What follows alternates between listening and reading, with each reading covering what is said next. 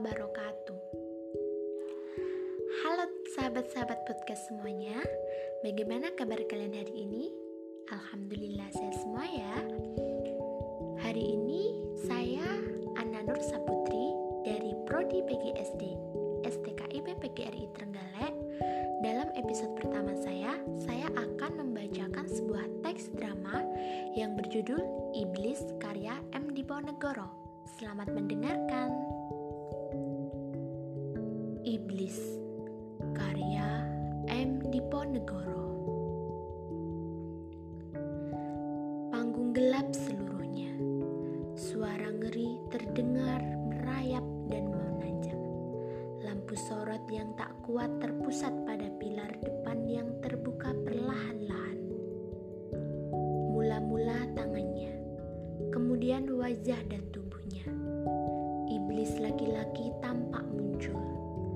Wajahnya berangasan, menyeringai-nyeringai. Ia memandang berkeliling. Tiba-tiba, dari kegelapan yang tidak diketahui arahnya, terdengar suara Ibrahim. Ibrahim sendiri di luar petas tidak kelihatan. Siapa kau?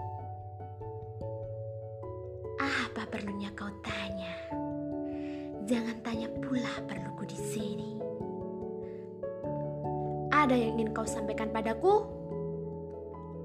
Kau tak mau mendengarnya. Kalau begitu, pergilah. Aku hanya mau bilang, aku amat kecewa dengan kau, Ibrahim. Selamanya kau akan kecewa dengan aku. Dulu kukira engkau seorang yang baik, yang cinta betul pada anakmu. Tadi siang pun, waktu kamu bertemu dengan Ismail, aku mengira kau memang ayah yang baik. Baik sekali. Tetapi sekarang, dengan segala bukti yang ada padamu, kau ternyata seorang ayah yang amat, amat. Ibrahim, Ibrahim. Teruskan, teruskan. Hah, bagus. Jadi, kau dengarkan juga omonganku, hah? Perkataanmu amat manisnya siang tadi itu, Ibrahim. Tamasya, tamasya. Tentu kau tahu maksudmu dengan tamasya. Kau telah kelabui istri dan anakmu. Tamasya, tamasya. Ismail senang sekali kau ajak tamasya. Istrimu juga gembira hatinya karena kau ternyata telah menunjukkan cintamu, cintamu yang palsu itu dengan berlebih-lebihan pada Ismail. Hajar jadi terlupa bahwa Ishak sudah lahir dan dia percaya kau akan ajak Ismail bertamasya. Ismail pun tidak tahu sama sekali sebenarnya bahwa dia akan kau sembelih di puncak gunung. Istrimu tidak tahu anak kesayangannya akan kau sembelih, kau habisi nyawanya. Itulah jahatnya kau. Jahatnya kau sebagai seorang ayah dan seorang suami. Tak ada yang lebih gila dari seorang ayah yang menyembelih anaknya sendiri Coba tanya hatimu sendiri Ibrahim. Hati seorang ayah dari anak yang gagah dan cerdas. Tegakah kau melakukan perbuatan yang kecil itu?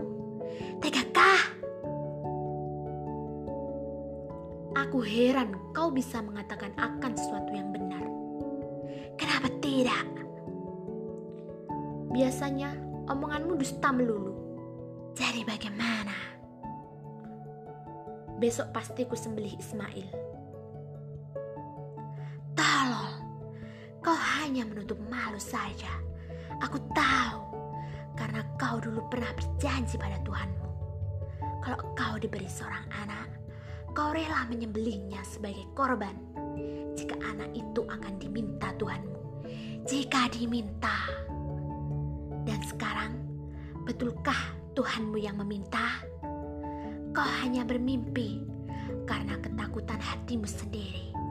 Sejak Ismail lahir, kau selalu ditakut-takuti oleh pikiranmu sendiri. Jangan-jangan Tuhanmu menagih janji. Janji yang kau ucapkan dulu itu telah menjadi hantu di hatimu. Begitulah besar ketakutanmu, sehingga engkau bermimpi-mimpi. Mimpi yang gila ini kau kira tagihan dari Tuhan. Tolol kau Ibrahim. Kalau itu betul itu perintah Tuhan, maka Tuhanmu. Diam, iblis terkutuk. Memang aku terkutuk. Nenek moyangku terkutuk. Anak cucuku akan terkutuk. Kenapa aku tak boleh membalas kutuk? Panas mulutmu iblis. Tapi tak bisa kau membakar aku.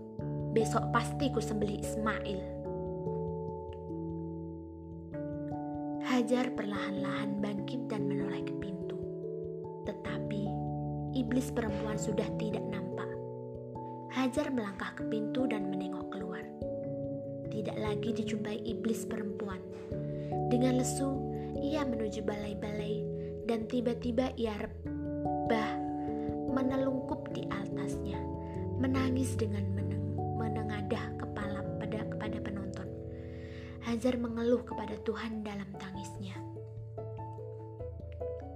Ya Allah, sekarang aku tahu benar kau telah memerintahkan Ibrahim untuk mengorbankan Ismail. Sekarang aku tahu Aku ingat waktu dulu Ibrahim mengucapkan janjinya kepadamu, dan sekarang kau telah menagih janji itu. Kau minta kembali Ismail dari tangan Ibrahim, dari ujung pedang ayahnya sendiri dan hatiku.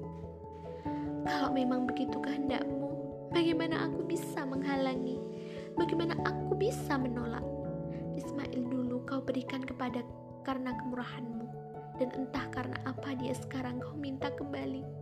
Tuhan, Tuhan, biarkan aku menangis, biarkan aku menangisi perpisahanku dengan anakku Ismail, Tuhan. Aku akan lega asal saja Ismail akan pulang ke tanganmu. Tapi biarlah aku menangis, biarkan aku menangis. Biar bagaimanapun aku adalah ibunya juga. Aku ini ibunya, aku ini ibunya. Sekian teks drama yang telah saya bacakan tadi. Selamat mendengarkan. Terima kasih. Wassalamualaikum warahmatullahi wabarakatuh.